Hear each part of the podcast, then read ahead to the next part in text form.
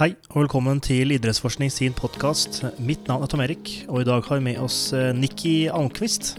Nikki er postdoktor ved Universitetet i København, og leverte sin doktorgrad nylig. Doktorgraden til Nikki omhandler hvordan man kan implementere sprinttrening inn i lavintensitetsøkter, og hva slags effekt det har. Så mye av podkastepisoden i dag vil omhandle hans doktorgrad og eh, hvordan disse resultatene ser ut. Er det nødvendig å sprinte under en uh, rolig økt? Har det noe for seg? Har det noen ekstra effekt, og i så fall på hva? I tillegg så har vi fått en, en del spørsmål, og det takker vi selvfølgelig for. Og uh, flesteparten av de spørsmålene vil bli besvart under podkasten. Og med det så ønsker jeg deg en god lytting. Velkommen, Nikki, til eh, vår podkast. Alt bra? eh, Holdt på å si Norge eller Danmark. Det er jeg litt usikker på hvor du befinner deg hen. Jo, jo tak. Det er i Danmark. Jeg sitter i, i Køben øh, akkurat nå. Strålende solskinn, masse fine veier å sykle på, så det er nydelig her nå. Ja, ja, ja, ikke sant. Ehm, så vidt jeg har funnet ut, så er du en postdoktor ved Universitetet i København, stemmer ikke det? Jo, stemmer det. Ved øh, Institut for idræt og ernæring hedder det. Øh, så jeg har, har skiftet litt øh, banedel, kunne man si. Øh, flyttet, skiftet en lille smule retning fra det mer trenings-, øh, prestasjonsfokuset øh, mer over i effekten av ernæring, man si kosthold. Øhm, men Okay. fortsatt med, for elitesportsfolk, eller i hvert fall øh, veldig godt trente folk. Ok. Og, eh, Interessant. Eh, Var det mm, et bevisst eh, skifte, eller var det et skifte du på en måte måtte bare gjøre fordi du fikk jobben, rett og slett? Nei, øh, det er jo sånn når man har, har levert sin øh, doktorgrad og, og venter på å skulle forsvare den, så begynner man jo å tenke hva, hva skal det bli av meg? Hva skal jeg drive med? Eh, og når, når en professor så kontakter deg og sier du, ja, jeg står akkurat og mangler en som deg til å drive et prosjekt som jeg har fått masse penger til, så øh, og den professor til med er ganske anerkendt internasjonalt, så sier man for det meste ikke nei takk. så sier man ja Ikke takk. sant? Ja, riktig. Spennende. eh, Absolutt. Eh, gra- Gratulerer, eh, for så vidt. Ja, tusen takk. Men du har også bodd litt i Norge, eh, så, så vidt jeg har undersøkt. Jo, det, det kan du si. Jeg har øh, etter min øh, Jeg fullførte min master i, øh, i København i humanfysiologi, idrett i folkemunne. Da øh, flyttet jeg til Lillehammer fordi jeg hadde søkt og fått en stilling som øh, ph.d. Øh, Mm. i laben til Bent Rønnestad. Mm. Øhm, så jeg har boet i, på Lillehammer der i fire-fem år. Øhm, men det ændrer ikke på, at jeg, jeg prater fortsatt ikke norsk, men øh, legger nogle enkelte ord om, så forhåbentlig hænger folk med. Det er flere i denne podkasten her som ikke snakker norsk, så det skal du ikke ha noe dårlig samvittighet for. Ja, det, går bra. Men, eh, men eh, vi, vi nordmenn eh, forstår dansk. Iallfall mange av oss forstår dansk. eh, Og så er det noe dansk som jeg må innrømme er litt vanskelig. Men din dansk er godt innenfor forståelig.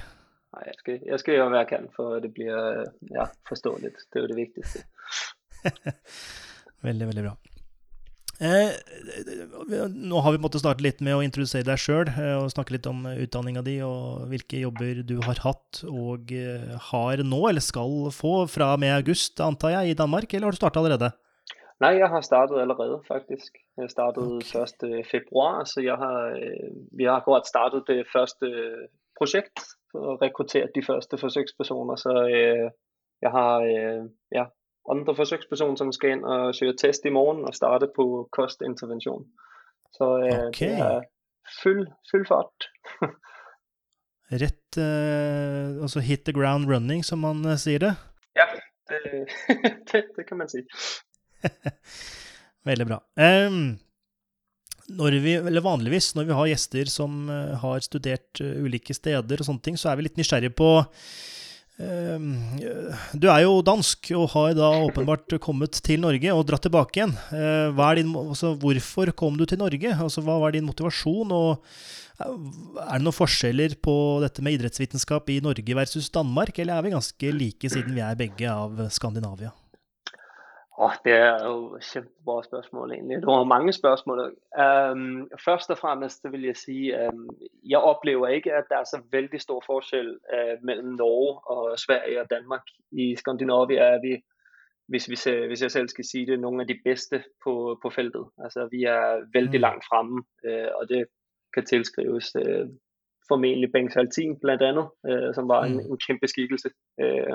og lavet rigtig, rigtig meget øh, spændende forskning. Øh, men når det, når det så er sagt, øh, grunden til, at jeg flyttede til Norge, var der slet fordi, at der var øh, et stillingsopslag øh, på en, en PhD på øh, elitecyklister.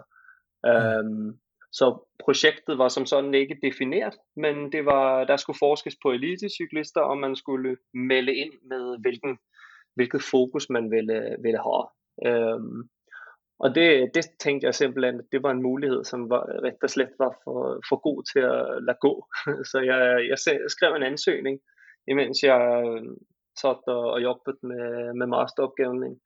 Øhm, og fik, fik så stillingen øh, to dage før, at jeg havde, havde disputeret øh, på masteren. Så det var, øh, jeg havde en måned efter, jeg havde leveret masteren til, at jeg startede ny job på Lillehammer. Øhm, så det var øh, egentlig jobben, som, øh, som gjorde det, men så også fordi, at jeg, jeg, jeg liker at dra til Norge, jeg liker at være på fjellet og, og så videre, så jeg tænkte, at det var en fantastisk øh, mulighed for mig, for at mm. komme til, mm. til et land, som er lidt mere interessant end Danmark. Ikke sant. Og øh, slik jeg har forstått det, så er du tidligere slash nåværende syklist på et eller annet nivå? Ja, på et eller andet niveau, det, det er jo defineret i hvert fald, ja. øhm, når, øh, jeg, har, jeg har tidligere været øh, eliteroer, jeg har været på landslag i, i Danmark i, i baglandsordning, det samme som Olof Tufte øh, driver med. Ah, okay. øhm, og, øh, men når jeg så flyttede til øh, Norge så, øh, og starter med at forske på cykling, der er det jo greit at man får lidt indblik i, hvad, hvad er det egentlig, de her cyklister de driver med, og ikke bare ud fra, hvad man kan læse sig frem til i, øh, i forskningslitteraturen, øh, men også få lidt syn for sorgen selv. Øh, mm. Så der, der bliver jeg rett og slett øh, grebet af det, og synes øh, cykling er en fantastisk øh, sport. Øhm, så jeg, jeg har deltaget i, i lidt uh, turrit og, og så videre. Øhm, og, øh, og gjør det fortsatt. Riktig, riktig. Ja, det er vel litt, uh, kanskje ikke på Østlandet, men det er kanskje litt annerledes å sykle i Norge enn i Danmark, med tanke på uh, topografi og ja, litt opp og ned. Mange på Østlandet her vil jo si at det er ikke noe opp og ned på Østlandet, fordi det er flatt. Men alt altså, er relativt, tenker jeg. Så er det jo fjell. ja, ikke sant. Vi har, vi har modvind. Vi har masse modvind her. Ja, det er, ja. Og, og det, det gør det op for, øh, for det. Så jeg har foreslået Strava, at de kan få sådan en omregningsfaktor, modvind til højdemeterfaktor. Øhm, ja. Og jeg mener, den, den jobber de på. Øhm, så vi i Danmark også får lidt øhm, for de anstrengelser, vi har. ja, øh, var det en spøk, eller var det seriøst? Nej, det var, det var en spøk, da. ok. Jeg tenkte bare Ja, det var, det var logisk, det. Jeg tenkte at det Jamen, Jeg synes jo egentlig det. Jeg vet ikke om man kan det. Hvis de kan, så skal de bare fyre den av. Så får jeg litt flere høydemeter i alle fall. kanskje det er en potensiell problemstilling til folk der ute. Ja. Du har eh, tisa litt allerede med din doktorgrad, eh, og vi har snakka litt om sykling eh, og utholdenhet, sånne ting. Um, din doktorgrad, uh, 'Optimizing Endurance Training of Elite Cyclist by Inclusion of Sprints During Low Intensity Sessions'. Eh, kan du ta oss eh, kort igjennom, uh, hvis det er mulig, uh, gjennom din doktorgrad? Ja, kort og fin tittel. ja, vi kan kanskje starte litt med hvorfor, hvorfor jeg endte opp med å at foreslå det her med at lægge sprinter ind på langsøringen, hvor, hvorfor jeg tænkte, at det gav mening. Øhm, og det kommer, mm. kommer sig af, at på masteren, øh, der havde vi forsket på effekten af bare sprinttræning for, for løbere. Øhm, og der havde vi undersøgt effekten af sprinttræning over mange uger, altså 12-18 uger. Vanligvis så ser man kun på korte perioder øh, med sprinttræning, for det er ganske potent. Øhm, mm. Men det, som vi fandt ud af i, i de løbere, som, som vi havde, med, som drev med sprinttræning, det var, at de fortsat med at blive bedre over de her meget lange perioder. Der er ikke nogen, noget, noget loft som sådan. De, de fortsatte med at blive bedre. Men det, som kanskje var mest interessant, var, at de blev ikke bare bedre til at sprinte, de blev også bedre til at løbe 10 km. Øhm, mm. Så de forbedrede en, hvad kan man sige, en præstation, som absolut ligger langt fra sprintpræstationen. Mm. Øhm, og den her, det her crossover, synes jeg jo er, er lidt interessant. Hvorfor er det, hvad er det, der sker?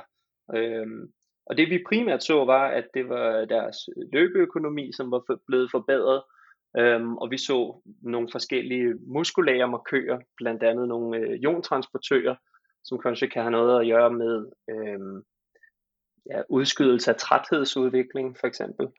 Øhm, at det, det kunne godt være det, som var forklaringsmekanismen for, hvorfor de forbedrede den her 10 km præstation.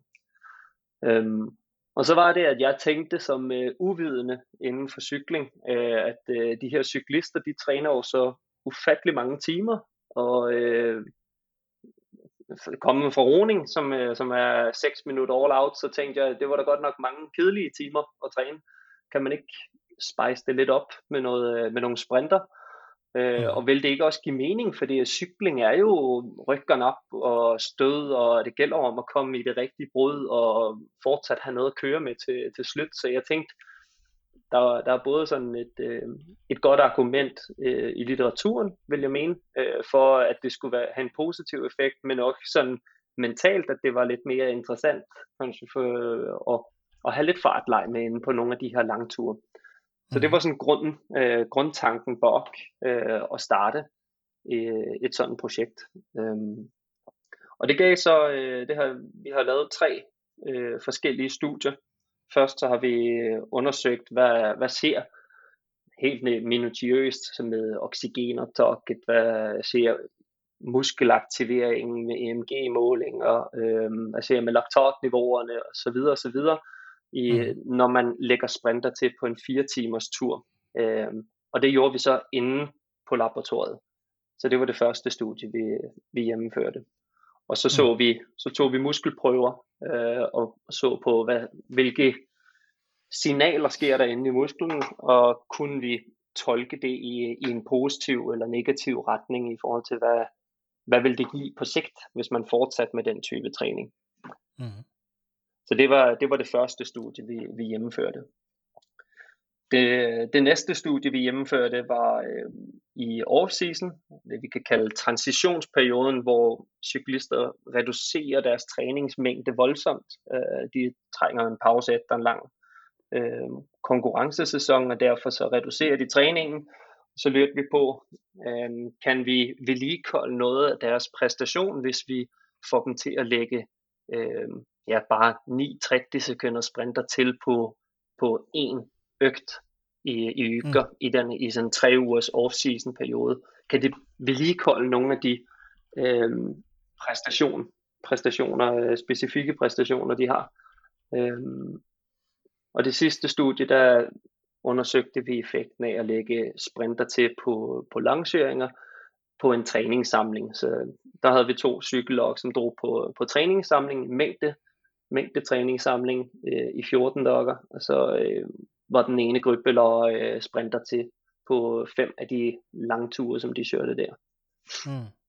Mm. Så, så det, over, det er overblikket på de, de tre studier, som vi har, jeg har gennemført i doktorgraden. Mm. Så dette med sprinttræning, det øh, ja, ga det noe effekt, og måtte samsvarte mm, de akutte studiene med de mer intervensjonsstudiene? Ja, skal se om vi kan holde øh, tungen øh, rett i munden her. Øhm, hvis vi starter med bare at se på, øh, hvad sker der, hvis man lægger sprinter til i off-season. Øhm, det, det giver umiddelbart sig selv, at når du reducerer din træningsmængde og din træningsintensitet, så, så går det selvfølgelig ud over præstationen. Så bliver man dårligere. Øhm, så tanken var, læg sprinter til, vedligeholde noget af den her intensitet, men uden at det skulle koste så mye øh, mentalt, øh, så at sige. Fordi hvis de skal, hvis du er dritleg efter en lang sæson, øh, og, og du så bliver bedt om at køre øh, 5 gange 5 minutter, eller øh, ja, højintense intervaller. Det, det er kanskje ikke det, man har så, så stor motivation for. Og derfor tænkte vi, det kunne være, at man kunne lægge nogle sprinter til øh, på en økt i uger, og vedligeholde noget af den effekt. Øh, deres VO2 max for eksempel, og deres tærskelvat, og øh, 20 minutters time trial præstation. Øh, og så havde vi en, en gruppe, som var parmatchet med de, som bare kørte rolig langsøring. Øh, og de reducerede deres træningsmængde sådan med en, en 60% i forhold til deres øh, konkurrencesæson. Så det er jo en ganske stor øh, reduktion i træningsvolum. Øhm, og det vi, øh, det vi så så, var at når vi ser på de øhm, altså de klassiske mål, øh, som vi, vi har i Norge, som for eksempel er, hvilken power kan du køre, når du har 4 millimol i laktat.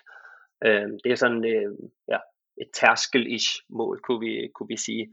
Øhm, og Veotomax selvfølgelig. Der, der ser vi ikke nogen ændringer i, i nogen af grupperne som, øh, som sådan øh, for Veotomax, men tærsken den reduceres ganske fuldt.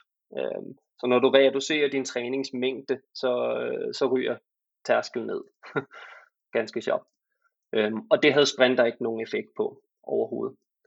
Øhm, men det som så var interessant, det var jo selvfølgelig, at øhm, vi havde en ret lang protokol, hvor vi kørte sådan en laktatprofil og en VO2 max test, og så kørte de en ja, 40 minutter, hvor de så havde øh, kørt 34 sekunder sprinter, og så sluttede de af med 20 minutters time trial. Så det er vores 20 minutters test er i ganske, kan man sige, øh, sliten tilstand. Der, øh, og det ligner lidt mere på, hvordan det vil være i et cykelrit for eksempel.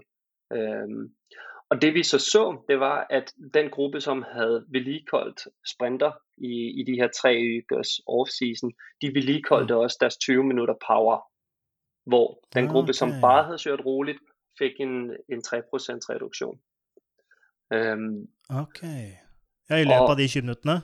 Ja. Ja, rigtigt.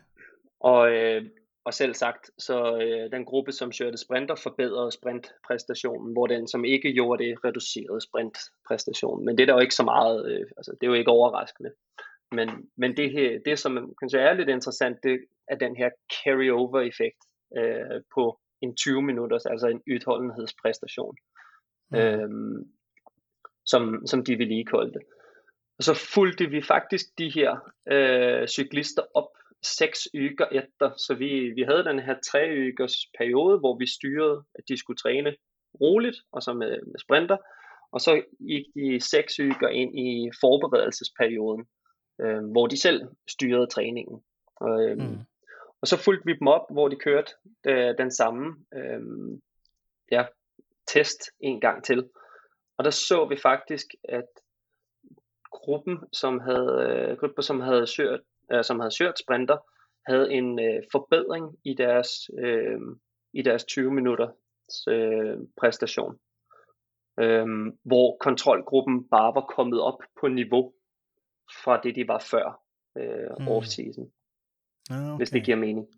Ja, ja, absolut. absolut. Øhm, og det var sammenhængende med, at de havde en højere, øh, et højere oxygenoptag på den her 20 minutters test. Så det vil sige, at de, de klart ligesom at ligge højere øh, relativt set på, på 20 minutter. Og, og det fund med, at de klarer at ligge lidt højere øh, relativt i forhold til deres VO2 max, det er faktisk noget, vi ser i vi ser i de, alle de studier, vi har gennemført.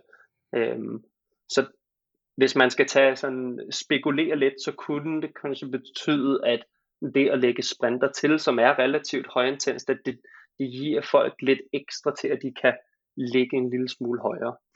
Øhm, okay. Specielt når de begynder at, at blive slitne. Ja, riktig. Ja, fordi sprint alene, som du innledet med, det, det vil ikke fungere noe særlig på terskel, men sprint innad i lavintensitet vil fungere. For det terskel her må vel ha noe å si at de kan ligge høyere uh, i des, denne 20-minutteren? Ja, men det, det er jo det, som er litt morsomt, at terskelen, den, er ikke, den ændres ikke. Og det, okay. det, som, det er det, som er litt, er litt interessant ved, ved det her å legge sprinter til på langkjøringer, fordi at øhm, vi, når du er ude og cykle 4-5 timer, altså så, så bliver kroppen jo selvfølgelig sliten. Øhm, mm. og, og det at, at køre 30 sekunder, altså bundgas, altså det er maksimalt, hvad, hvad du kan køre, øh, mm. som skal gennemføres på det her.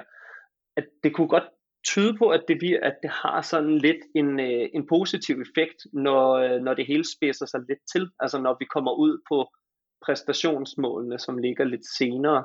Øhm, og det er jo det, som er, vil jeg mene, er, er mere interessant for, øh, for elitecyklisterne i hvert fald.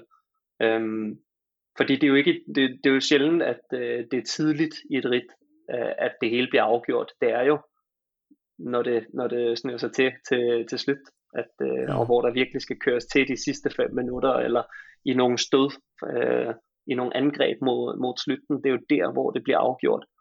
Øhm, og der, der, der synes jeg, at det her tyder på, at vi har nogle positive øh, ja, øh, effekter af at lægge sprinter til på langkøring, øh, som er specifikt gavnlige for præstationen sidst i, i et rit. Mm. Men øh, ved at øh, implementering av denne sprinten, eller disse sprintene eh, har en positiv effekt, eh, Ser du da at uh, utøverne ser verdien av dette har, og kommer til å implementere det i sin vanlige treningshverdag? Ja, det er et, eh, det er et rigtig godt spørsmål. Um, øhm, jeg har, for de cyklister, som har været med på prosjektene, projekterne, der har jeg forhørt mig, om det er noget, som de har fortsat med, og det har jeg klart indtryk af, at øh, det er noget, de gør. Um, Udover det, så, uh, så ved jeg, at der er flere øhm, prof-cyklister på World Tour-niveauet, som, som også har begyndt at, at bruge den her form for træning og lægge sprinter mm. til på langkøringerne. Øhm, og specielt her ind mod, øh, mod klassikerne er der, ved jeg, at der er flere, som har, som har gjort det, og det, det giver, vil også give rigtig, rigtig god mening øhm, i min optik at, at søge den her type af, af øgter, øhm, mm. hvor der er en masse rykkerne op og stød øhm, undervejs. Ja, for det hele koker ned til, eh, som du innledet med, altså spesifisitet, at det er mer rittlignende. Og når du sa det, tenkte jeg ja, det gir jo egentlig ganske god mening. Og så tenkte jeg hvorfor Hvorfor ikke da ha en trening som er rittlignende, altså, altså rett og slett en eh, trening som simulerer et ritt, istedenfor disse mer systematiske 30-sekunderne? Ja, og det, det er en god pointe. Um, og det, det har de jo sådan set også. Uh, det er jo typisk at forberede sig, hvis man har et, øh, et rit som Paris-Roubaix for eksempel, så, uh, så er det jo ofte, at uh, cyklisterne også søger uh, simuleringer af, af brostensetapper, brostenstræk, mm. og ligger og, og søger noget, som ligner mere på rit. Um, men det er jo også, så, det er også sådan, at cyklister for, topper jo ikke formen ind mod samtlige rit, som de søger. De bruger mm, jo mm. ridtene til at, at køre sig i form. Og, ja. øhm, og det, det er jo også typisk, at de deltager i, i noget af Giroen, for eksempel hvis deres fokus er, at de, de vil form, toppe formen ind mod Tour de France, så, så søger de en del af Giroen, og, og, og stopper så, når de har, har fået det træningsudbytte, som de gerne vil, og så lægger de om til noget andet. Øhm, så det gør man jo absolut. Øhm, mm. men, men for at, ja, det, det er jo lidt noget, noget andet. Det bliver lidt, det er lidt vanskeligt at, at øh, simulere de her rit, end bare at bede folk om at stikke ud på, på en lang tur, og så lægge sprinter ind systematisk. Øhm, mm. Mm. Så det er lidt lettere at, at, at styre på, det, på træningen øhm, på den vis.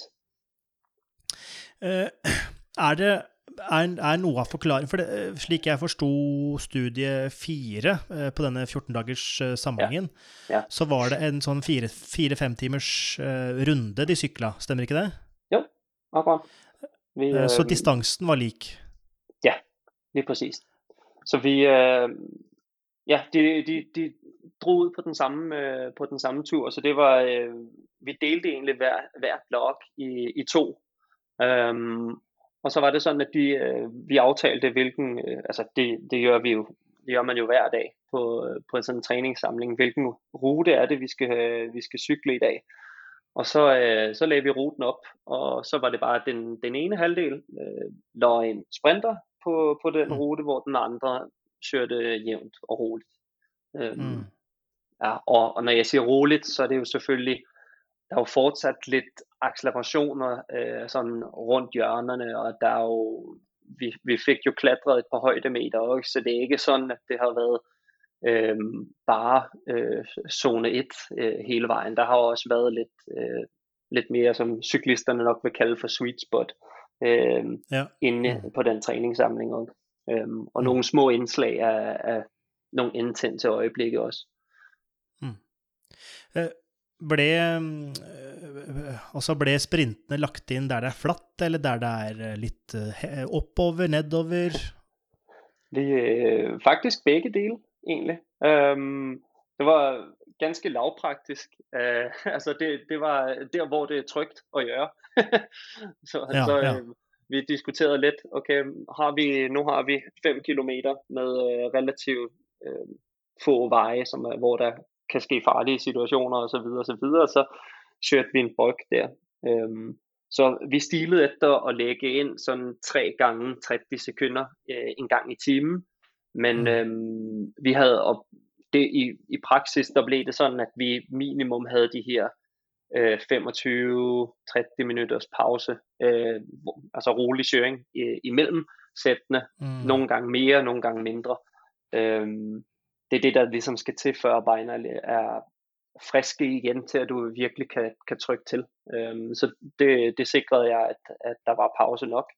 Øh, og ellers så var det at, at køre i terrænet, fordi ja, du skal jo både kunne sprinte op over på flotten og slå ned over, så Ja. det, ja, det var vældig, vældig applied, kan man sige. Ja, ja. Og, mulig dette er et litt dumt spørsmål, men, og det er pga. min begrensede sykkelkunnskap, men vanligvis eh, så antar jeg at de sykler jo sammen, og så er det en som drar foran, og så skifter de Mm.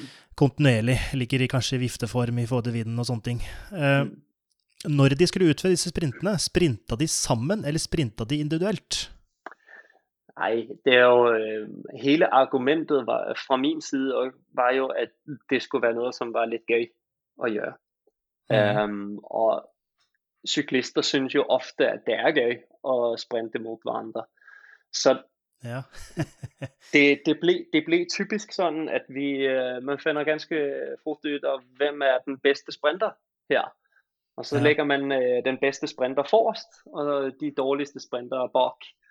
Og så bliver, Mm. det jo, øh, så bliver det jo sådan, at øh, på grund af vindmodstanden, jamen, så bliver det jævnet nogenlunde ud, og så har alle stort set kørt sig fyldt ud. Øh, og Mm.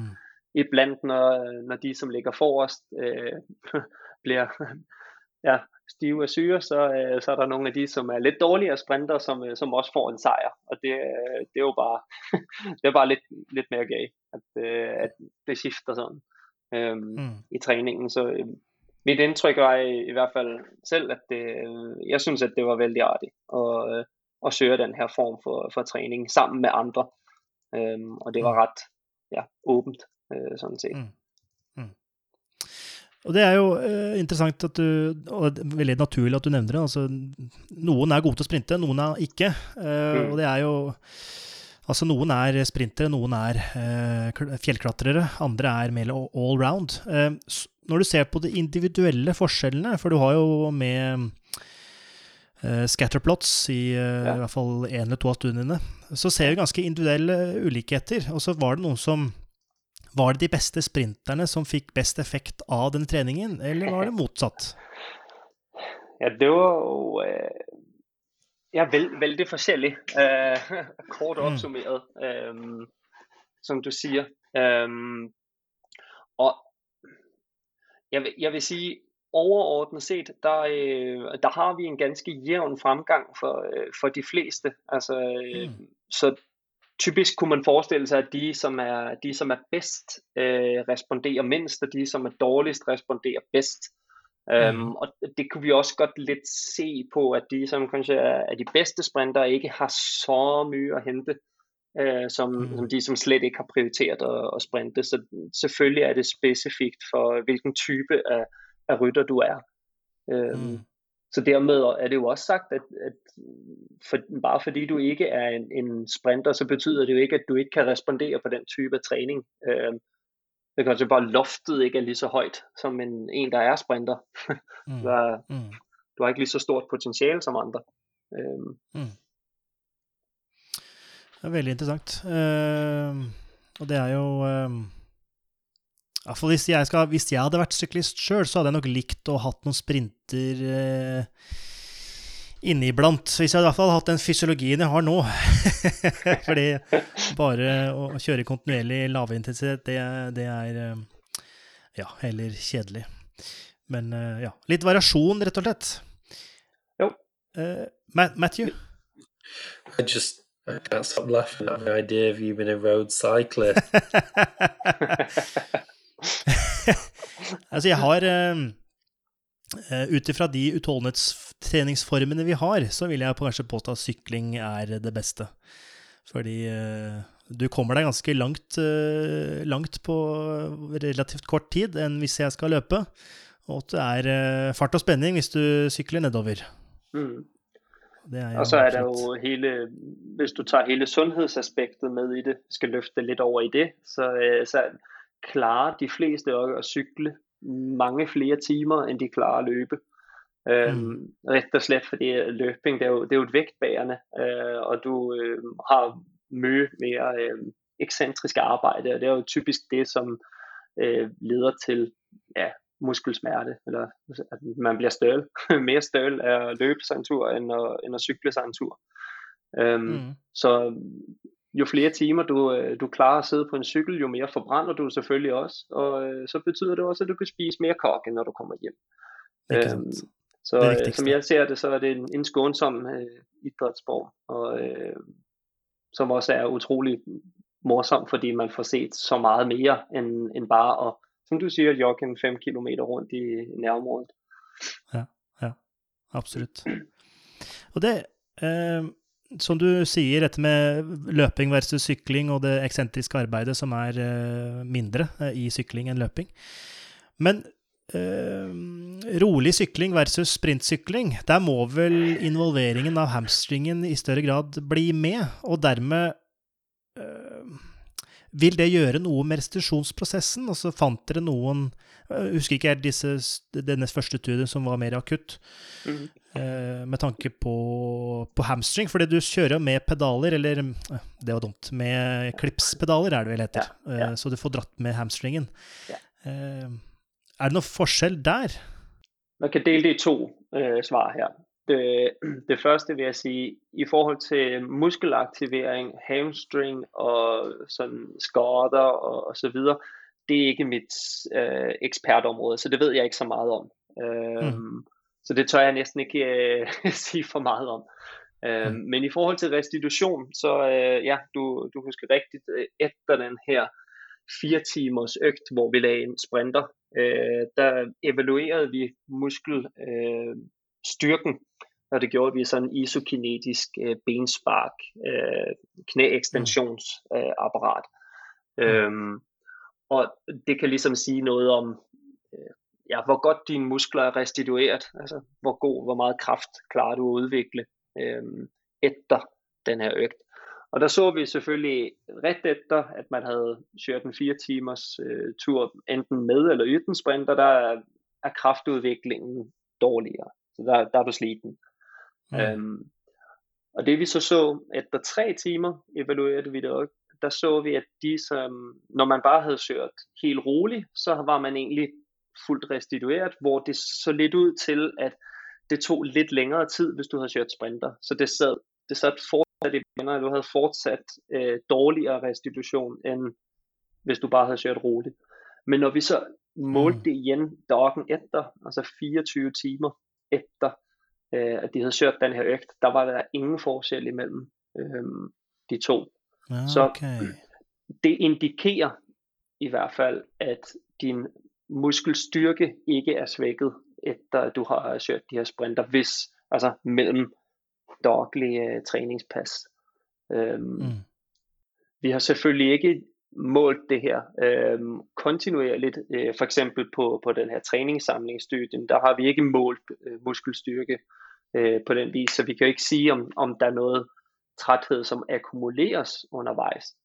Øhm, men det som, det som vi faktisk vi, vi spurgte cyklisterne, hvordan de, hvordan de oplevede øgter, altså hvor tøft de oplevede øh, øgter var øhm, på den her træningssamling. Og de første par gange, øh, de første to-tre gange, der meldte de, at øh, de synes det var ganske, ganske tøf i forhold til rolig langsøring. Men det, som var lidt spændende, det var, at de gradvist rated det lettere og lettere og lettere. Og faktisk på mm. sidste og femte øgt, der var der ikke nogen forskel imellem de, de som havde kørt rolig langsøring, og de, som havde kørt med sprinter. Så der var en form for, øh, for tilvænding til den her øgt, øhm, mm. kan man sige. Et, og et andet perspektiv var så også, vi spurgte også, hvor, hvor motiveret er du til at, at træne i dag? Og øh, motivationen i den gruppe, som øh, kørte sprinter, den forblev det samme, altså høj, imellem god motivation og meget, meget motiveret.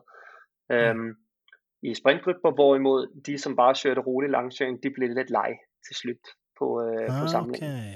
Ja, riktig. Ja, variasjon er jo eh, mest sannsynlig en eh, bidragsyter der, tenker jeg. Jo, det, det vil jeg mene.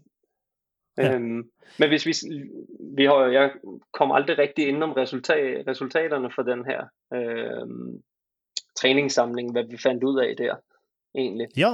Øhm, så det kan være, at vi lige skulle uh, smutte sharpt ind om dem, fordi vi så egentlig meget af det samme, at deres uh, 4 millimol power, den ændrede sig ikke. Deres VO2 max ændrede sig ikke. Så de her mm. mål i, i frisk tilstand, præstationsindikatorer i frisk tilstand, de ændrede sig ikke i, mm. i løbet af den her 14 dagers øh, samling. Øhm, men sprintgruppen forbedrede selvfølgelig sprintpræstationen betragteligt, øh, mm. en, en 4%. Og så havde vi en 5 minutters test til slut efter, så det er igen efter den her lange, lange træningstest, øh, testprotokol, så slutter de af med en 5 minut all out, alt hvad de øh, kan klare. Og der mm. sørte øh, grupper, som havde kørt sprinter, til trods for, at de havde kørt bedre på sprinterne, så kørte de også fortsat bedre på 5 minutter. Så mm. hvis du skulle prøve at overføre det lidt til, øh, til et rit, så kunne man sige, at de har klart at, at hænge med frem til at der stødes. De klarer støde i de rigtige tidspunkter, og de klarer fortsat at køre en bedre 5 minutter øh, watt til, til slut. Så mm jeg vil sige, det i, i forhold til RIT, der er det kanskje ret specifikt øh, positivt for, for cyklister. Øh, kunne, det her, kunne de her studier i hvert fall godt tyde på. Mm. Hva er, hva, hva er, årsakene til at sprintgruppa er bedre? Altså Er det forbedring i arbeidsøkonomi, slik at du har mer energi til den femminutteren kommer, eller hva Ja, ja det var, det kan være en af, en af årsagerne. Øhm, vi så vanligvis, når man bliver sliten, så bliver ens arbejdsøkonomi dårligere øhm, mm. på cykel, så man spilder flere kræfter. Og det så, vi, det så vi kun i kontrolgruppen, de som ikke havde kørt sprinter, hvor de som havde kørt sprinter, øh, vedligeholdt øh, deres arbejdsøkonomi. Så det kunne godt være en del af forklaringen på, at de kører mm. bedre. Øhm, noget andet var også, at vi så øh, igen de her iontransportører øh, i musklerne, fordi vi, vi tog muskelprøver øh, fra de her cyklister. Øhm, og de, jo, ja, mængden af jontransportører ændrede sig i kontrolgruppen. Den gik ned, hvor den blev vedligeholdt i, øh, i sprintgruppen.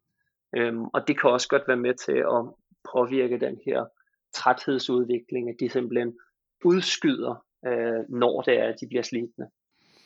Ja, veldig interessant. Eh, tror du du hadde funnet det samme dersom du hadde hatt uh, syklister i, i sesong? For dette var utenfor sesong, ikke sant? Dette var i uh, starten av sesongen. Uh, så det var i Den siste, ja, riktig. Ja, sånn sen høst, uh, tidlig, tidlig vinter. Typisk der hvor du drar på, de drar på mængdesamlinger uh, ofte. Okay. Der. Så det var, det var der vi, vi fikk uh, de syklister med på, uh, på prosjektet. Mm. Mm. Mm. Så vil, vil, implementering av sprinter fungere når som helst i en forberedelsesperiode eller i en konkurransesesong? Eller er det hensiktsmessig å legge det til et eller annet spesifikt sted i året? Det er, det er et veldig bredt spørsmål. det, jeg kan si, vi, vi ser jo de her effekter um, både i off-season og i forberedelsesperioden. Um, så tidlig i sæsonen. Og, mm. Så jeg kan, ikke, jeg kan ikke se, hvorfor at vi ikke også skulle kunne få den samme effekt senere i, i sæsonen. Um, mm. Men det her, det handler kanskje også om, at um, det, det er jo meget specifikt, hvad, hvad er det, den enkelte cyklist vil, skal fokusere på. Ind, ind mod øh, klassikerrittene for eksempel, der, der vil det kanskje give mening at, at søge den her form for, øh, for økter. Øhm, hvor hvis du har en længere periode i konkurrenceperioden, altså nogle uger, hvor du, øh, hvor du ikke søger konkurrencer, der kunne det kanskje være en økt, som man brugte som en, en form for vedligeholdsstimulus, øh, øhm, som, øh, som giver lidt ekstra Øhm, på, på langturene, kunne man øh, lægge det inn. Ålreit. Da føler jeg i hvert fall eh, gått eh, nokså grundig gjennom eh, din doktorgrad. Eh, ta et lite steg tilbake. Eh, og vi har jo snakket litt grann om det med tanke på om eller hvordan dette kan implementeres i en vanlig treningshverdag til en eliteutøver. og det handler jo om at denne forskningen vi driver med, faktisk implementeres til praksisen, altså til idrettsfeltet. Og eh, der har du noen tanker, eh, Nikki, om hvordan drive forskning slik at den skal implementeres inn i treningsarbeidet eller konkurransearbeidet til en utøver, til den idretten man sikter seg mot.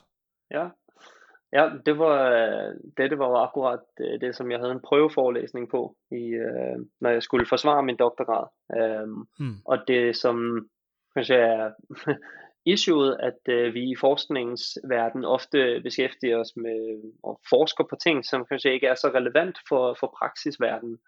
Øhm, og det var lidt det, som havde været min tilgang, at øh, jeg gerne ville gennemføre studier, som var relevante for cyklister og som var mm. noget, som de så øh, muligt og, og gavnligt. Ligesom, det, det kunne give noget til, til dem. Så det har været mm. udgangspunktet i, i den forskning, som vi har drevet med, øh, og er egentlig udgangspunktet i den forskning, som de driver med på Lillehammer, øh, specielt med, med Bent Rønnestad i, i spidsen der.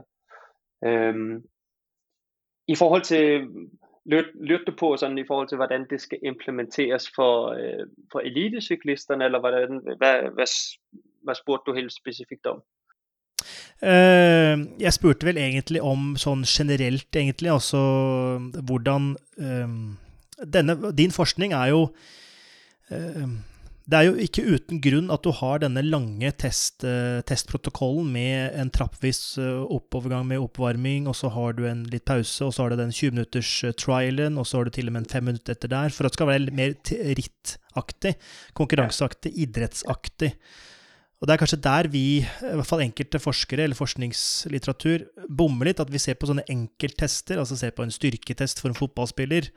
Eller mm. ser på, og så sier vi at ja, men han blir sterkere, og vi ser at uh, skuddhastigheten øker. Ja, men blir, blir fotballprestasjonen bedre av det? Ja. Og sånne type ting, da. Det er jo ikke sikkert. Nei, det, det, er jo ofte det som er, som er issuet når vi måler noe. fordi når vi i en forskningssammenhæng skal måle noget, så handler det jo om, at vi skal være så præcise som muligt.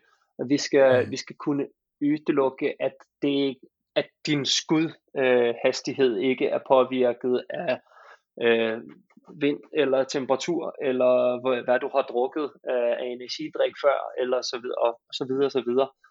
Øhm, mm. og, og derfor så bliver de mål, som vi har, vældig standardiseret og ofte og øh, ikke så overførbare til den virkelige verden. Øhm, mm. Eksemplet er, for eksempel, vi, vi søger jo øh, vores test på et øh, super high-tech øh, cykel, som er står inde på, på laboratoriet. Men den cykel er jo en stor klods, som står fuldstændig stille, og som ikke bevæger mm. sig som en vanlig cykel.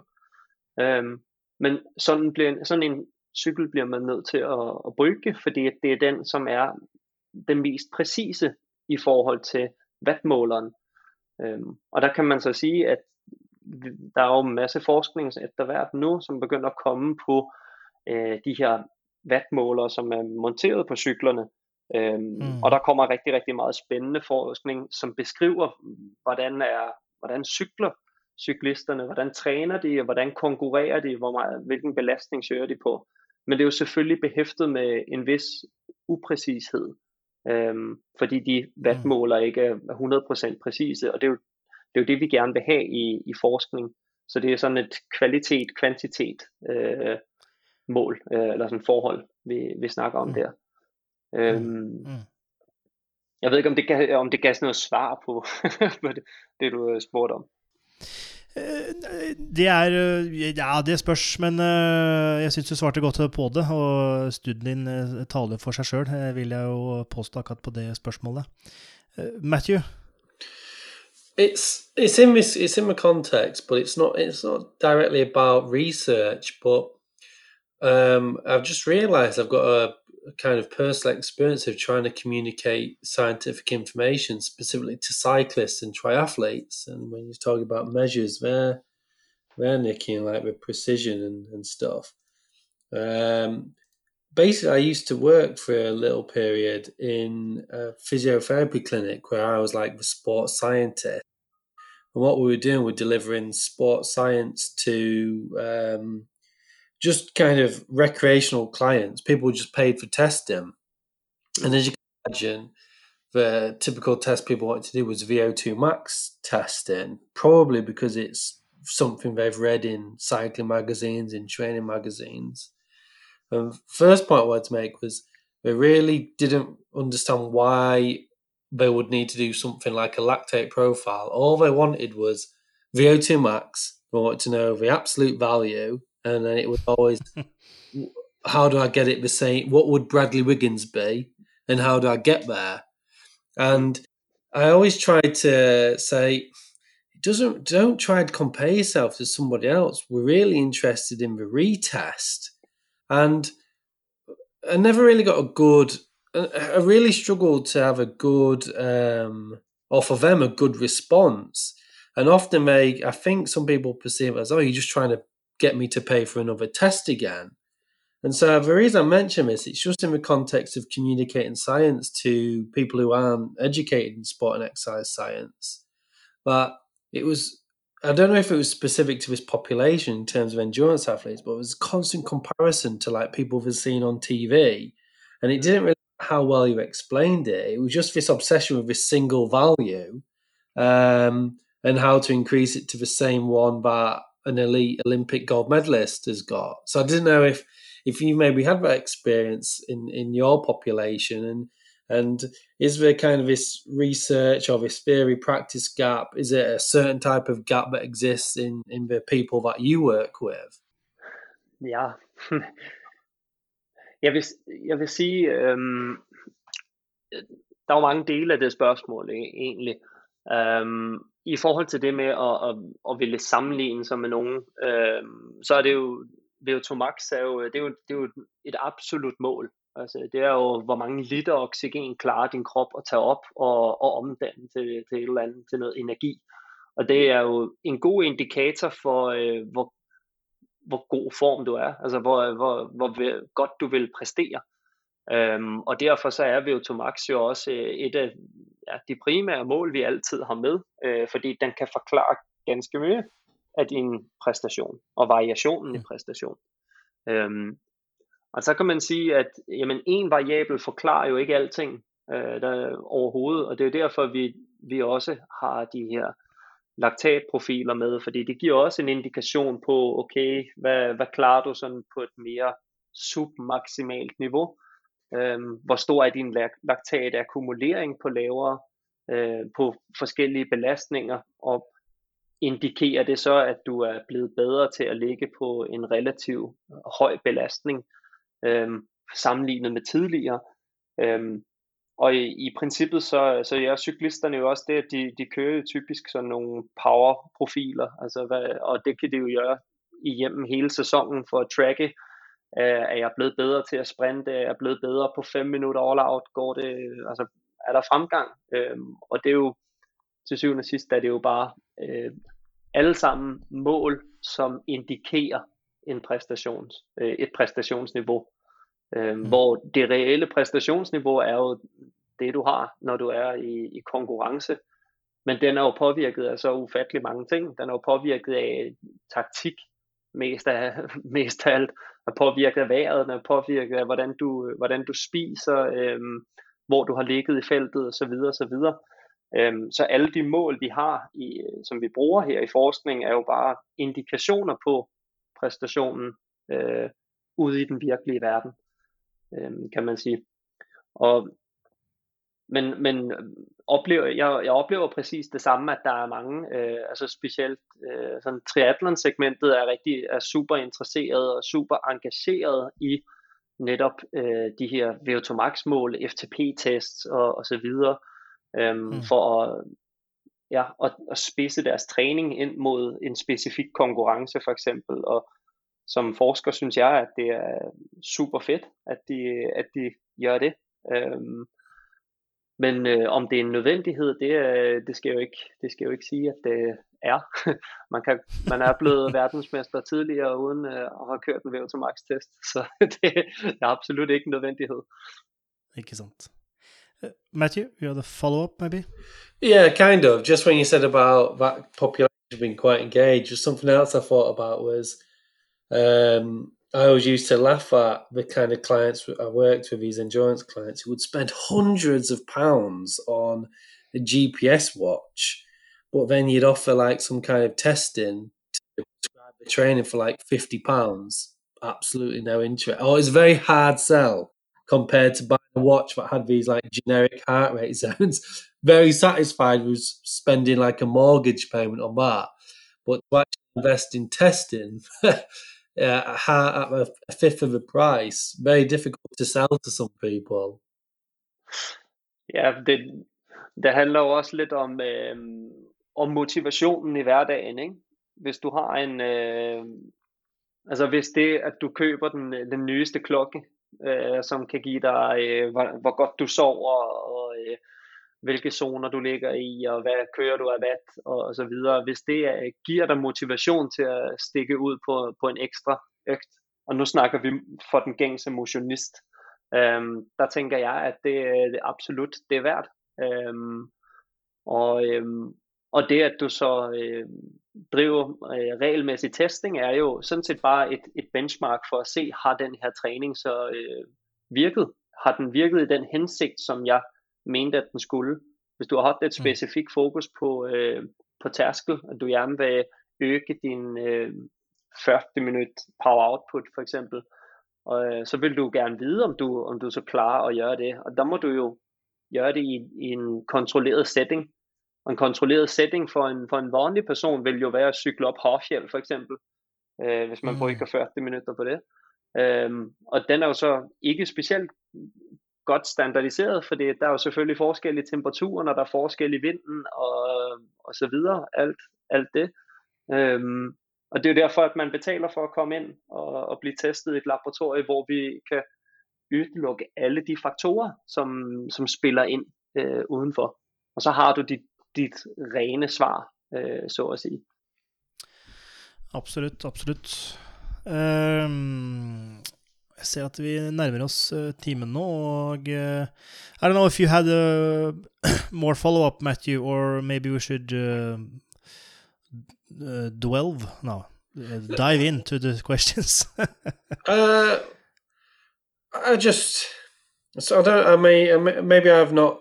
I might have misunderstood it, but I don't know if.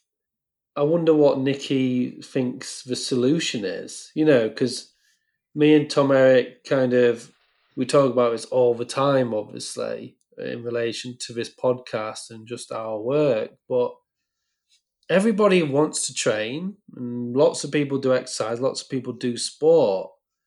But how do we?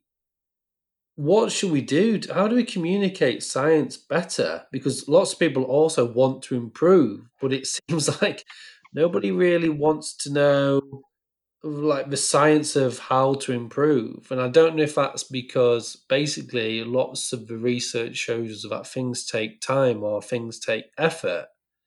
Um, I just don't know what the solution is. I wondered if if Nikki's maybe got ideas like like how do you make someone who is, for example, a cyclist who will benefit from your research? How do you how do you engage that research? And maybe a better question is, do we need to? I don't actually know if Ja. we need to. Hej, det er, det er et rigtig godt spørgsmål, om vi overhovedet behøver det. Øh, jeg har gjort den her forskning på øh, utrolig godt trænede øh, cyklister, og vi snakker, det er jo, det er jo ja, toppen af Norge. Og forhåbentlig så øh, kan, kan de bruge den her forskning til noget. Jeg håber, jeg håber, at de kan det, fordi det er jo egentlig det, som har motiveret mig for at gøre øh, den type af forskning. Det er, hvis, hvis jeg kunne gøre en forskel for eliten, for de bedste i verden, og hjælpe dem med at blive en halv procent bedre, en procent bedre, jamen der, det, er, det er det, som driver mig i, i forskningen.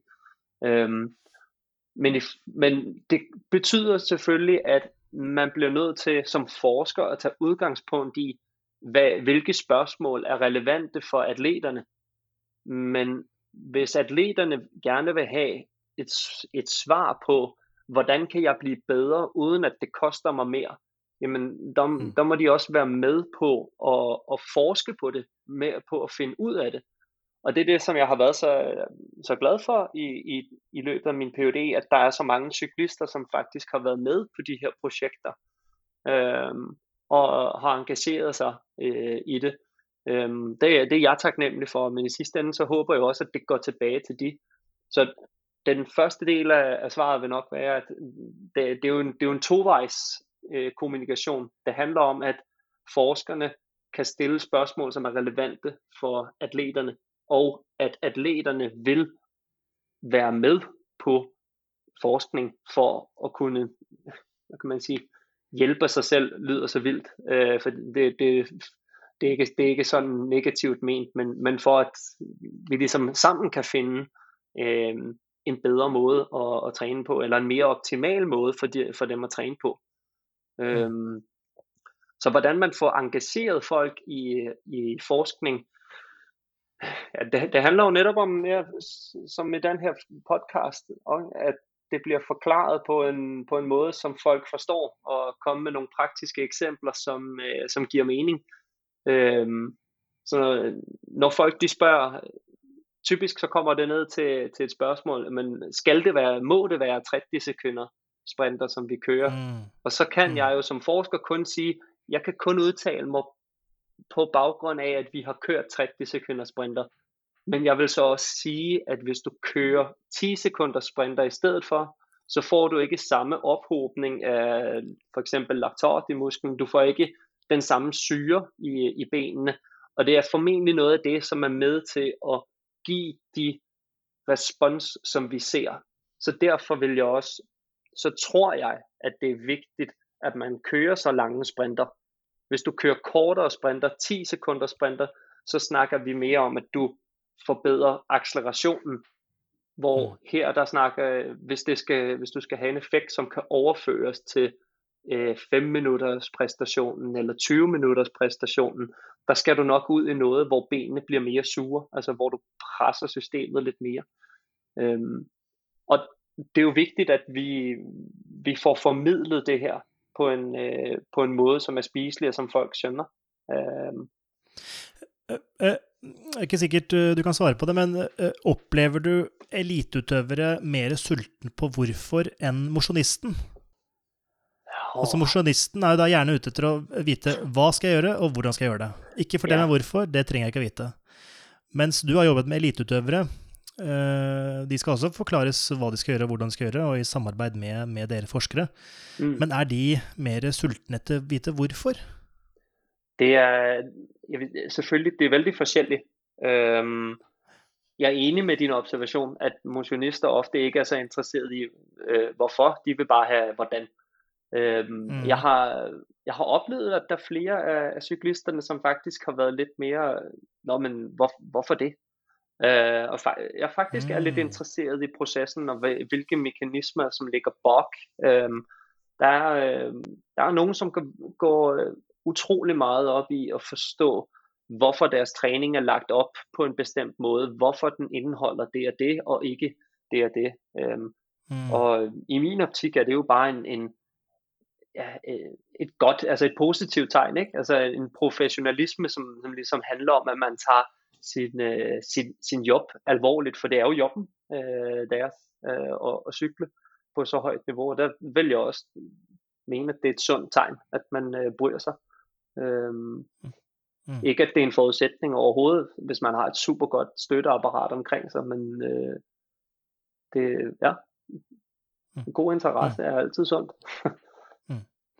Ja, når, når du sier det, så eh, er jeg, for, er, jeg, er jeg selvfølgelig enig. Det var ikke min måte å prøve å svartmale syklist- eller utholdenhetsutøvere til å bare være opptatt av hva og hvordan. Eh, så jeg har jo, ja eh, det men, men kan det være sånn at eh, eh, Dette blir jo veldig spekulativt, men i løpet av de siste 20 årene så har kanskje folk blitt mer interessert i hvorfor? Fordi alt har blitt mer tilgjengelig og kanskje mer, bedre formidlet, mer forståelig, slik at man nå som mosjonist eh, klarer å se hele bildet og klarer å kanskje stille de riktige spørsmål. Du, hvorfor skal jeg kjøre så langt intervall og ikke det intervallet der, eller eh, den slags? Jeg er, jeg er helt enig. Jeg har samme indtryk. Det, det handler jo også om, at der er kommet så mye mere forskning øh, på området. Mm. Øh, og specielt forskning, som tager udgangspunkt i, i skal vi kalde det hverdagsspørgsmålene. Øhm, Mm. mm. og, ikke, og ikke kun på øhm, ja, som det meget, meget mekanistiske niveau, øh, hvordan reguleres øh, blodvolumen. Det synes øh, vi som forskere for eksempel er super interessant, men menigmand er kanskje ikke så interesseret i det. Han vil bare have at vide, at det, øh, det er sådan her, du skal gøre det. Øh, Mm. mm. Kanskje mere. Men, øh, men ja, jo, det, det, det kommer jo nok af, at øh, der er specielt i Norge, har jeg indtryk af, er et rigtig godt miljø for, øh, for forskning på utrolig godt trænede folk, og som øh, er interesseret i at bidrage. Øh, og det er ikke bare inden om cykling, det er jo også inden øh, langrend og løbning og øh, ishockey og så videre. Øhm, Mm. Og det er altså et unikt miljø øh, at, at have den mulighed for at forske på så veltrænede folk. Er kanskje også derfor, at øh, Norge så også gør det så, så bra, som de gør. Øhm, Mm. det det er jo et godt eksempel også, hvis du, hvis du ser på tidligere Team Sky øh, og Jumbo Visma nu, og sådan, at de har jo gode samarbejder med øh, fysiologer af ernæringers øh, uddannede og, og så videre. Øhm, Mm. Og de er tæt knyttet ind til øh, coachene og atleterne. Øhm, så og det, det er jo ligesom den del af processen, som gør, at øh, både forskningen, men specielt også øh, præstationsoptimering på et cykellog øh, går mye raskere, end, øh, end hvis det skulle være på den the old school way, at øh, vi skal gennemføre et studie, og så skal det først publiceres, og så skal det læses af nogen, og så skal det ud. Men det, at vi har folk, som er knyttet til forskningen, øh, inde på, på de her øh, log, i tilknytning til de log, eller i tilknytning til landslag, det er jo det, som, som gør, at vi kan udvikle os mye raskere øh, end før. Mm. Mm. Mm. Matthew? I was just going to say, just as I'm listening, listening to a Norwegian talking to a Danish man and then trying to translate it to English. Um, but it's almost like I would say cycling is probably one of the, I don't want to use the word better, but one of the sports where it's more it's got a kind of richer history, being kind of well connected to to science and research. It's it's like a scientific sport, if that makes sense, in terms of the engineering of the bikes. Mm. Uh, I think endurance sports are, are, fairly well connected to kind of the science of, of, of physiology. Um, so we may be talking, maybe this isn't the right podcast, you know, in some ways to talk about the kind of science communication. But having said that, I just thought, even though I would argue, like I said, cyclists and coaches in these kind of sports maybe a bit more engaged in scientific literature and a bit more engaged in scientific processes.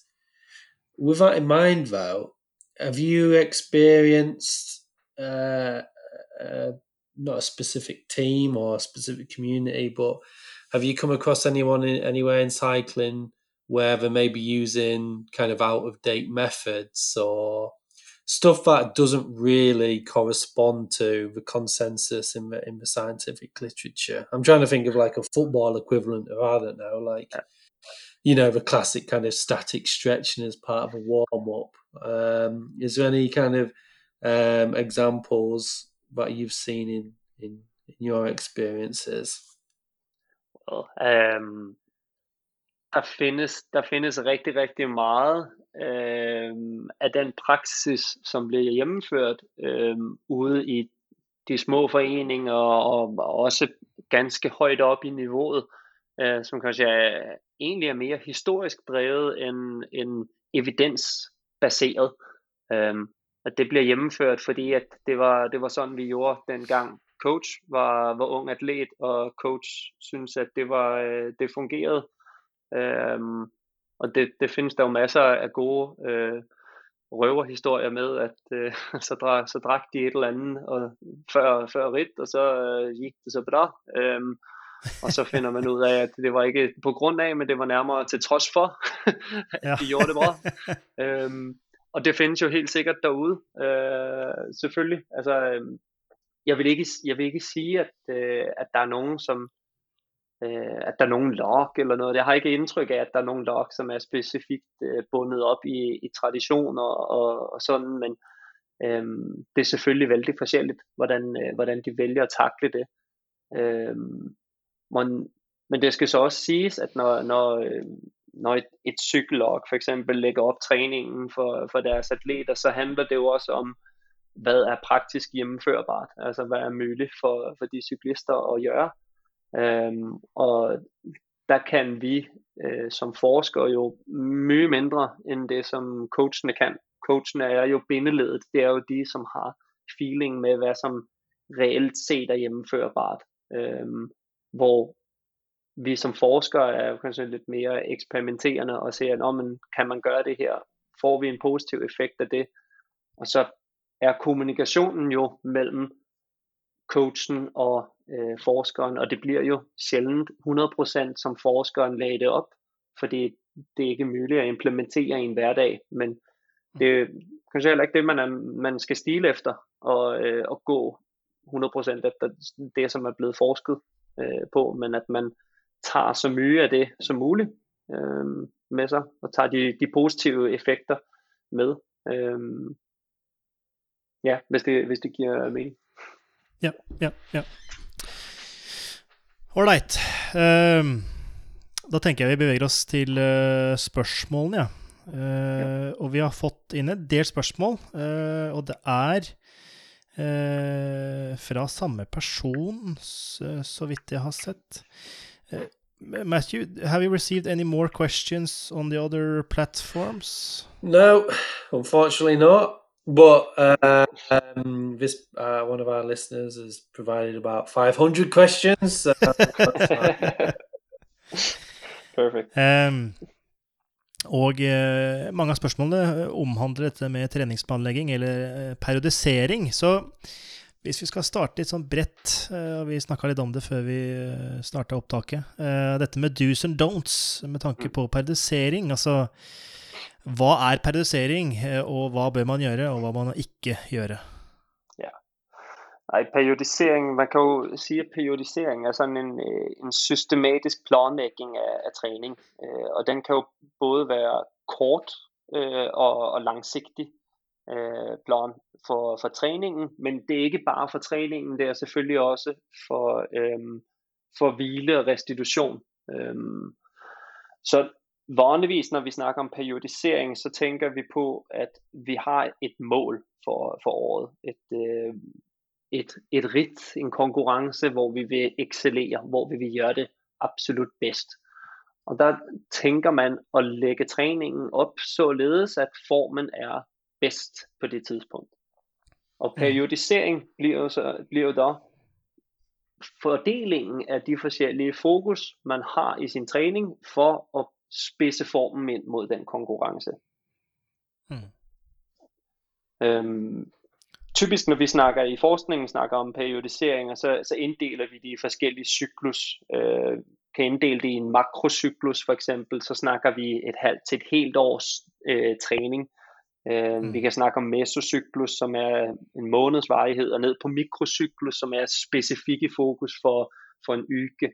Øhm, så man kan lidt se det som sådan en byggesten, og hvordan du bygger dit år op med forskellige træningsfokus er, er jo forskelligt for hvilken sport du driver med, øh, hvor ofte du har konkurrencer, øh, hvilken type af atlet du er, og, og så videre og så videre.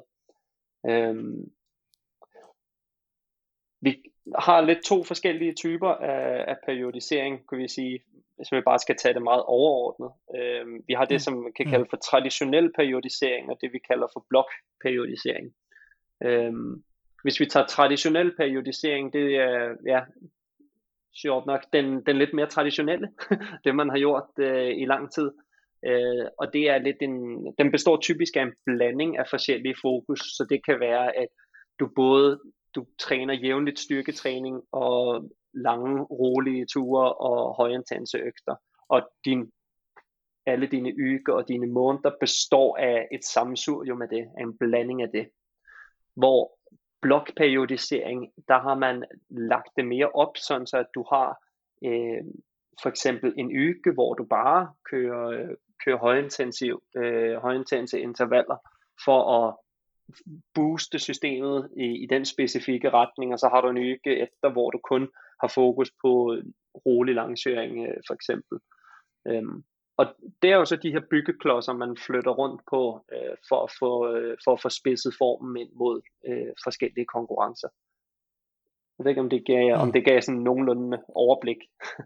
mm, mm, absolut. Og eh, periodiseringslitteraturen der ute, både på innenfor utholdenhetsstyrke og lagidrett, viser jo litt forskjellig om det er vits i eller ikke. Og hva er din på en måte Hvis vi får til utholdenhet, da. Er det noe vits i å periodisere? ja, vi har, vi har jo faktisk et Vi lavede et, uh, et review, uh, meta-analyse her i 2019 fra, fra vores gruppe uh, med Mølmen som første forfatter, hvor de sammenlignede alle de studier, lagde alle studier sammen, som har undersøgt effekten af blok øh, sammenlignet med traditionel periodisering. Mm. Øhm, og det var, øh, det var ganske små effekter, positive effekter i fordel af blokperiodisering, øhm, mm. som de kom frem til der.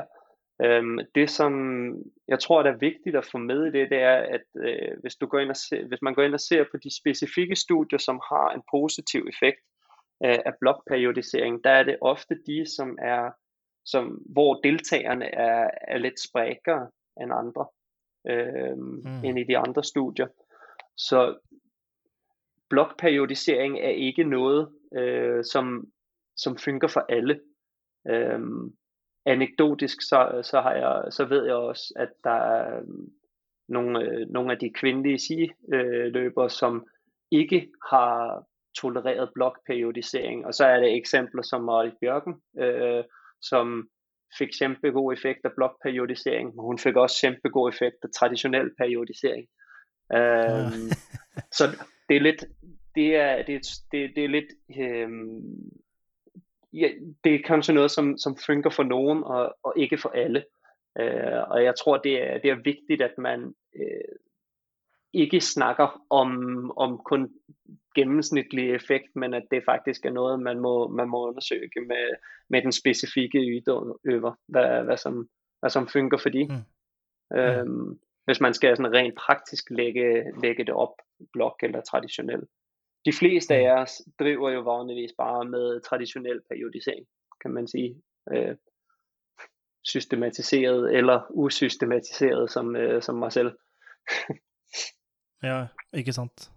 Men um, dette med blokk versus tradisjonell, er det noe um, mønstre vi kan forholde oss til? Altså er det ah, ja, blokkpaudisering passer for den og den typen, eller er det litt sånn smak og behag-aktig? Det er jo ikke, det er ikke, sånn, det er ikke vanvittig mye forskning på det, så det er kanskje vanskelig å si uh, øh, om, om det er spesifikt for én type og, og ikke for noen andre. Um, jeg tror også, det, det handler nok også om, hvor, ja, spil, ja, hvilken type er du? Er du en, der tåler at, at søge fem harøgter på appen? Eller mm. er du en, som går i kælderen efter tre harøgter? Mm. Der, øh, der vil det formentlig koste alt, alt for lang tid med restitution, før du er før du er frisk igen, og der går vindingen lidt op i spænding øh, for nogen, mm. Øhm, mm. hvor andre tåler det altså super godt. Øhm, man kunne måske, man kunne, man kan kanskje tænke sig til, det har absolut ikke øh, noget belæg for, men for typer, som er vældig anaerobe, øh, klarer ofte at gå ganske, ganske mye sjældent på, øh, på højøgter. Øhm, mm. Det kunne godt tænkes, at det påvirker øh, restitutionstiden, og derfor så øh, vil de over tid akkumulere for meget træthed øh, ved, ved blokperiodisering, hvis de pusher for mye. Øhm, mm. Og kanskje det kan have en negativ effekt, men det er der ikke nogen, der har, øh, så vidt jeg ved, så er der ikke nogen, der har undersøgt det. Øh, det kunne jo absolut være interessant at, at prøve ja. at få undersøgt, øhm, ja. hvem det virker for, og hvem det ikke virker for. Ja. Veldig øh, Det er absolutt en interessant øh, problemstilling som øh, folk der ute burde prøve å finne ut av. Eh, som sagt, eh, fått inn en del spørsmål fra vår eh, følger Svartebjørte. Han har vært eh, tidligere ute med også gode spørsmål, så her også vanker det en god del gode spørsmål. Vi rekker nok ikke alle. Hvor mye kan slash bør volum og intensitet økes om gangen? Og det er det klassiske, som vi, som vi starter med at sige, it depends. Det kommer selvfølgelig an på, hvad, hvad er udgangspunktet for dig. Mm. Um, jeg har, på et tidspunkt har jeg hørt fra nogen, en god tommelfingerregel var, at du ikke skal øge mere end 10% øh, fra uge til uge. Um, om det har noget hold i sig, det, det skal jeg ikke kunne sige. Jeg, jeg tror, når vi har søgt de her træningssamlingsstudierne, så har vi jo øget træningsmængden øh, med 50 procent. Øh, mm. Så gået fra 20 til 30 timer i, i uger. Og det har, de, det har cyklisterne jo fint tolereret. Hvis du tager en, en motionist, som øh, vanligvis træner 5 øh, timer og øger det til 10 timer, der vil mm. responser kanskje være anderledes. um, så det her med øh, træning og hvor, hvor mye man tåler at, at ændre, det har, rigt, har mye at gøre med, med historikken. Hvor godt trænet er du? Jo mere trænet mm. du er, jo mere tåler du også øh, at gå over, formentlig. Øhm, mm. Mm. Restitutionstiden er jo er noget af det, som virkelig forbedrer, så det er formentlig også noget af det, som afgør, øh, for eksempel i Tour de France lange øh, etaperit. Øh, afgør, hvem som øh, ender med at stå øverst. Hvem er det, som klarer at restituere sig bedst fra, fra dog til dog. Mm, mm. Absolut. Um, Men en tommelfingerregel kunne man sige 10%, så tror jeg ikke, at vi går øh, helt... Øh, så går du ikke galt i byen, vil jeg sige. ja. er mit bud. Og det er vel også å prøve seg litt fram med litt for lite enn litt for mye er vel også en slags eh, tommelfingerregel, tenker jeg. Ja. Jeg tror, hvis, hvis vi skal sige noget i forhold til løbing hvis, for den generelle motionist, um, i stedet for at hvis, du har, hvis vi siger, at du har et udgangspunkt på to økter i uger, hvor du uh, jogger 5 km, mm. så skal du ikke starte med at, at øge fra 5 til 10 km. Altså, der er det kanskje bedre at holde det på 5 km, og så få lagt en øgt ekstra ind, så du kommer ud tre gange i uger. Mm. Og når du så har, har kontrol på det, så kan du prøve at, at øge lidt på længden også. Øhm, men lad være med at, altså hvis, du, hvis vi er ude i, at du fordobler din træningsmængde, jamen så, øh, så siger det vel sig selv. Kort dårligt. ja, det tror jeg også. eh, dette med engangsritt versus uh, etapperitt, uh, altså Tour de France versus uh, Ja, nå må du hjelpe meg litt her. E endagsritt, hvilke har vi? Nei um, Milan San Remo. Um, Flandern. Um, Flandern, ja, den Sånne klassikere. Ja. ja. Ehm, er det noe skilnad med tanke på formtopping mot eh, etapperitt versus endagsritt? Altså gjør man ting annerledes før eh, disse konkurransene? Um, sandsynligvis. Nu skal vi sige, at jeg er jo, jeg er jo, ikke, en, jeg er jo ikke tilknyttet et, et så hvordan de helt specifikt gjør, det, det skal jeg jo ikke kunne sige uh, noget om. Men um, forskellen på endagsrit og etappe, øh, etapperit, altså flere etapper, er jo selvfølgelig, at du skal, du skal præstere en dag versus præstere over mange dage. Um, så mm. arbejdskravet i de to former er jo, er jo vidt forskelligt, kan man sige. Um, for på endagsrit, der skal du ikke tænke, at du skal have overskud til dagen efter. Um, mm. Hvis du ser på intensiteten i, i klassikerne, så er den også væsentligt højere, end den er på en tappe i, i Giroen, for eksempel. Øhm, mm. Og de er, de er væsentligt længere, så den samlede belastning er, er større øh, på, mm. på klassikerne. Øhm, det betyder selvfølgelig også, at det kræver, at du er, er spidset til at, at præstere i et uh, relativt langt rit. Det kræver selvfølgelig, at du har en meget stor træningsbelastning i forkant, Øhm, og vanligvis så, så vil man jo søge en, en tapering periode, hvor du typisk reducerer øh, træningsmængden og øger intensiteten ind mod sådan et enkelt, øh, et enkelt rit. Hvor hvis man ser på mere øh, etaperit, hvor du skal præstere over længere tid, der er det formentlig en god idé, at du har akkumuleret ganske mye træningsbelastning over en lang periode, så du tåler en meget høj belastning over de tre uger, som nogle af de længste øh, konkurrencer tager. Øhm, mm. Så øh, det er sådan lidt, det er lidt forskellen på, på de to. Jeg, øh, og man kan se, de, de takler det jo vældig forskelligt. Nu så hørte vi jo også med Primoz Roglic for eksempel ikke havde, har kyttet ned på masse af de cykelridt, som ellers kunne være forventet, at han skulle deltage i. Øh, og det har han så kyttet ned på ind mod øh, Tour de France, for det skal være hans sin, øh, sit øh, primære fokus. Øh, og det er kanskje for at kontrollere øh, sin træning bedre, men kanskje også for at undgå risken for, øh, for at blive skadet og for vælt og, og så videre. Meget bra. Eh, resten av spørsmålet føler jeg vi har svart på indirekte eller direkte i løpet av denne episoden, så jeg eh, tenker at vi eh, setter en strek over eh, spørsmålene for denne gang. Eh, og vi nærmer oss slutten, tenker jeg. Eh, føler du, Nikki, at du har fått svart på det du ønsket å svare på, og si det du ønsket å si?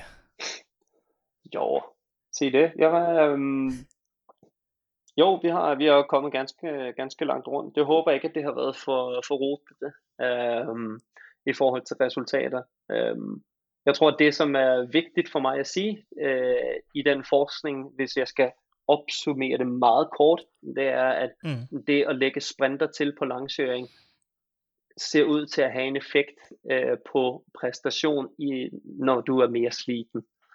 Og mm. de indikationer, vi har på, hvorvidt det påvirker restitutionen fra dag til dag, og hvordan det påvirker din mentale øh, st- øh, ja, status. Uh, der, der ser det ud til, at det ikke har en, en større negativ effekt end vanlig rolig træning.